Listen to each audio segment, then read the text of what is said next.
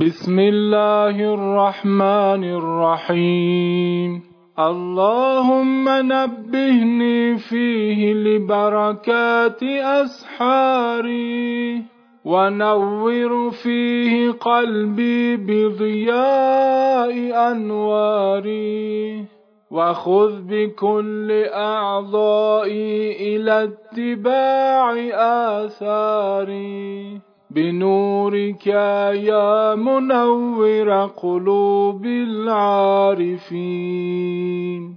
خدایا در این ماه مرا از برکتهای سحرهایش آگاه کن و دلم را به روشنی انوارش نورانی گردان و تمام اعضایم را به پیروی از آثارش به گیر.